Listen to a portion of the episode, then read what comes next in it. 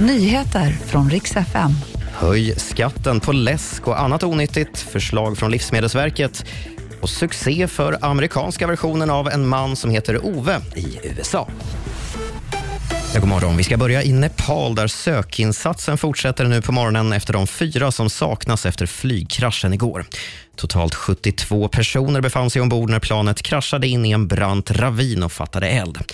Vad som orsakade olyckan är fortfarande oklart och en talesperson för polisen säger till BBC att det inte är troligt att någon har överlevt. Svenskarnas hälsa blir allt sämre på grund av dåliga matvanor och nu kräver Livsmedelsverket att någonting görs.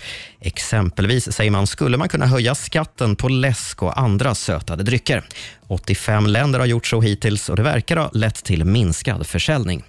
Till Sveriges Radio säger Åsa Brugård Konde, som är nutritionist på Livsmedelsverket, att allt ansvar inte kan läggas på individerna utan att det måste bli lättare att äta hälsosamt.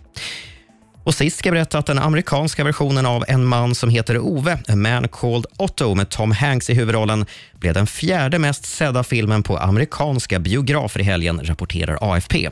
Den drog in motsvarande drygt 155 miljoner kronor, vilket enligt Variety är lite av en skräll för en film som riktar sig mot en äldre publik. Det är långhelg i USA och tydligen en av de viktigaste biohelgerna på hela året. Och Det var de senaste nyheterna med Robin Kalmegård.